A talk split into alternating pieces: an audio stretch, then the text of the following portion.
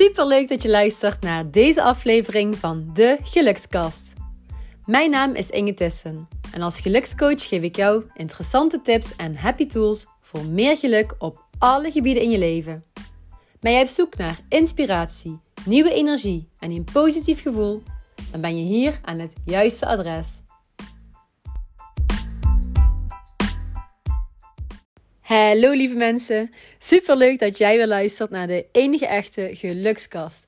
En de zomervakantie is voorbij. Iedereen zit weer in de zogenaamde red race, de drukte van het dagelijks leven, de sleur van de maatschappij en ja, alle druk die je jezelf daarbij oplegt. En een jaar geleden, ja, een jaar geleden, ben ik in een burn-out terechtgekomen. Althans, volgens de huisarts, volgens de ja, psycholoog, wordt al snel het woord burn-out gegeven. Ik heb dit vervolgens geanalyseerd en ben tot de conclusie gekomen dat als je lange tijd met je hoofd je hart negeert, dat je door je lichaam wordt geconfronteerd. En dit is bij mij het geval geweest. Voor iedereen die mijn gelukskast heeft gevolgd vanaf het begin, die hebben dit uh, ja, ook kunnen horen in een uh, aantal eerste afleveringen. En ja, in deze aflevering wil ik met jou terugkijken op het afgelopen jaar. Um, mijn lessen die ik heb geleerd. En je kunt hier vast en zeker voor jezelf heel veel uithalen. Van een jaar geleden. Ja, toen uh, was de zomervakantie ook voorbij. En raakte ik weer compleet verstrikt in de sleur van het systeem. En met de sleur van het systeem bedoel ik het schoolsysteem. Al die regels, regels, moetjes, moetjes, moetjes. En ik ging toen vanuit het, het flex gebeuren. Dus um, ja, een flexibele leerkracht zijn, voor verschillende klassen staan. Ging ik weer in vijf dagen volle verantwoordelijkheid. één klas met een stuk of 25 kinderen. En ik was toen nog niet zo ver dat ik het stukje please gedrag van me af kon zetten. Ik was toen nog niet zo ver dat ik nee durfde te zeggen. Ik was toen nog niet zo ver dat ik mijn eigen blinde vlekken zag. En vooral deze eerste twee dingen die ik noemde, waren mijn mega blinde vlekken. En ja, ik stond dus weer voor een klas. Fulltime, vijf dagen in de week. Ja, lekker die 40 uur knallen. En ik kon dit. Want ik was een goede leerkracht en ik zal het nog altijd blijven. Maar, een dikke vette maar. Ik deed toen heel veel dingen die ik, ja, ik dacht toch echt totaal anders over. Dat een kind in de tweede week na een vakantie alweer toetsen moet gaan maken. Dat, dat, ik denk er heel anders over überhaupt het feit dat het systeem zo in elkaar zit, dat kinderen getoetst worden en, en min of meer het gevoel hebben afgerekend te worden als ze bijvoorbeeld ja, een onvoldoende halen of onvoldoende scoren op het gebied van rekenen, taal, spelling enzovoort.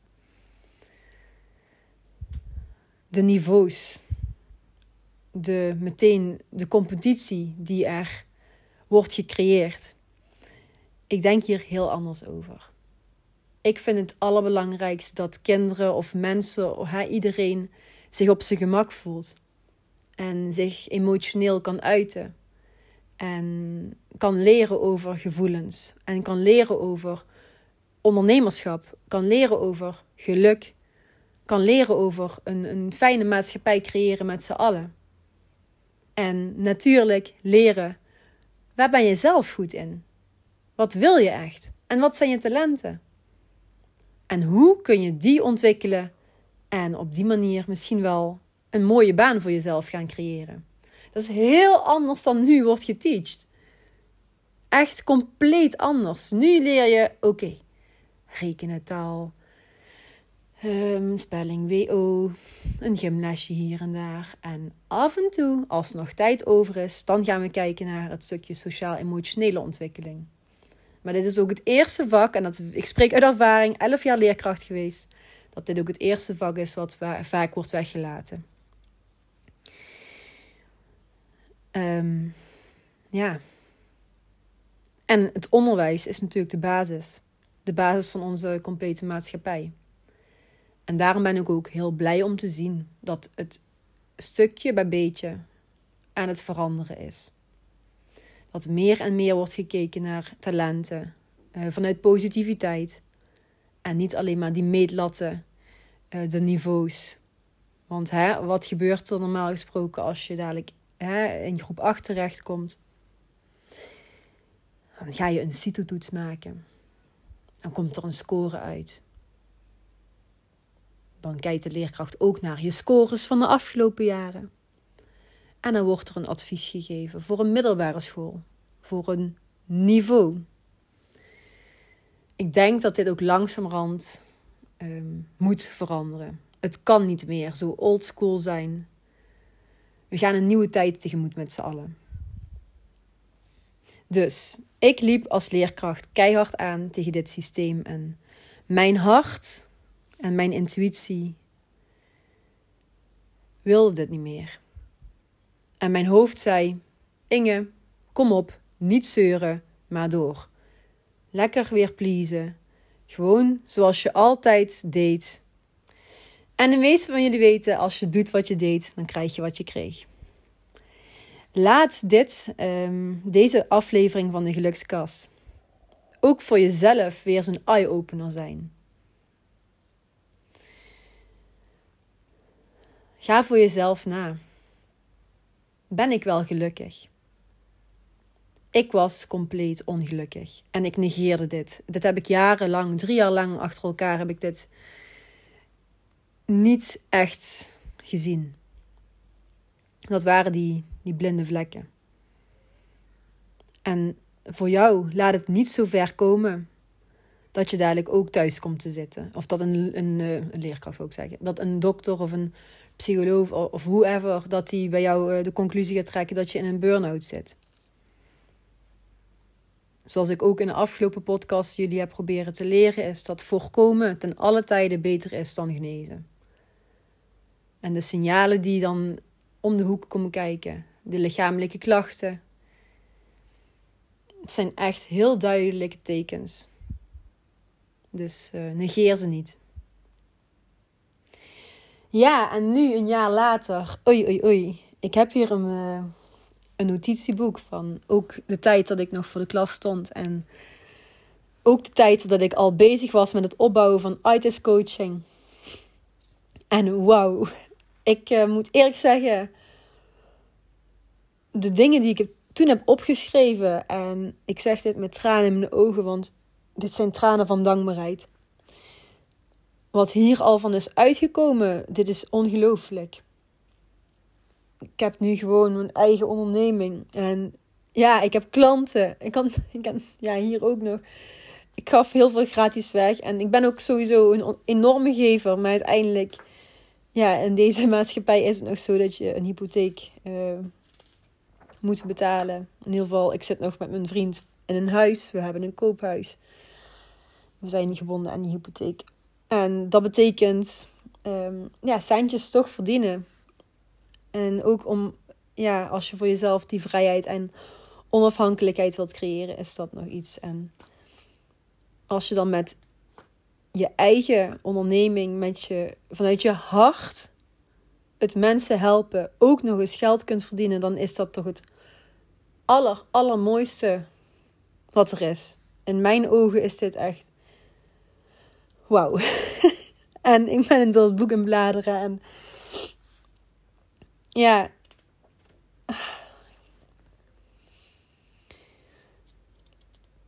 Gewoon het, het stukje succesvol en gelukkig zijn door gewoon mezelf te zijn. Me niet meer hoeven te.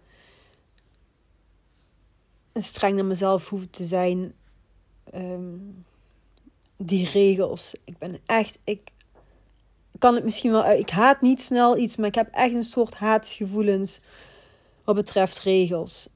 Zeker regels die ik gewoon niet voel, waarvan ik het nut niet van inzie. En ik ook nog eens merk dat het andere verdriet doet.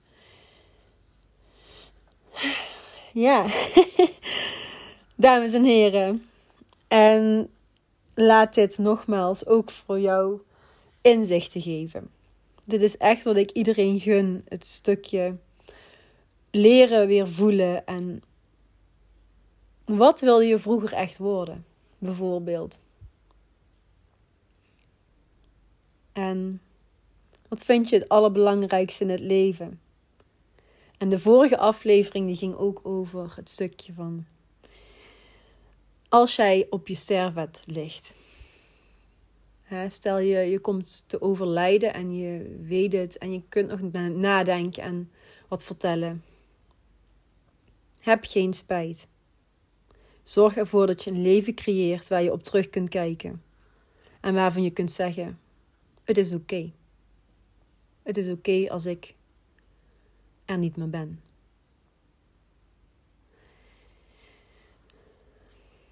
Een jaar geleden. En misschien kun jij ook al terugkijken. Normaal kijken de meeste mensen in januari eens terug op het afgelopen jaar. Maar waarom niet ook tussendoor? Ik weet het, het is nu zo'n switch. De, de herfst uh, komt eraan.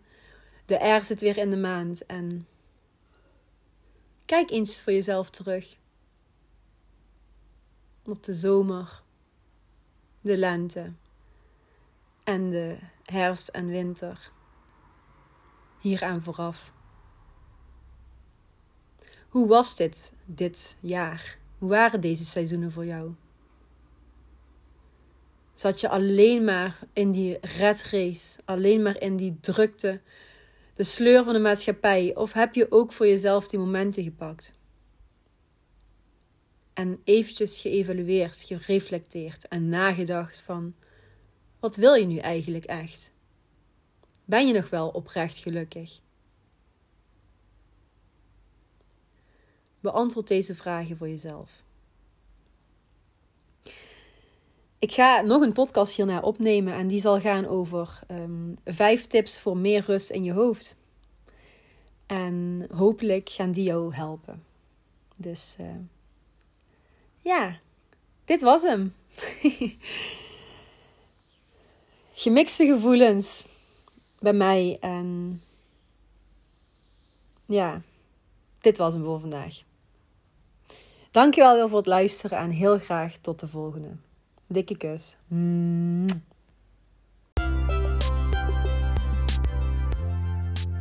Dankjewel voor het luisteren naar de Gelukskast. Vond je deze aflevering leuk? Delen is natuurlijk super lief en ik zou het heel erg leuk vinden als je een beoordeling achterlaat. Het is een kwestie van sterretjes aanklikken. Dankjewel voor het luisteren en tot de volgende keer.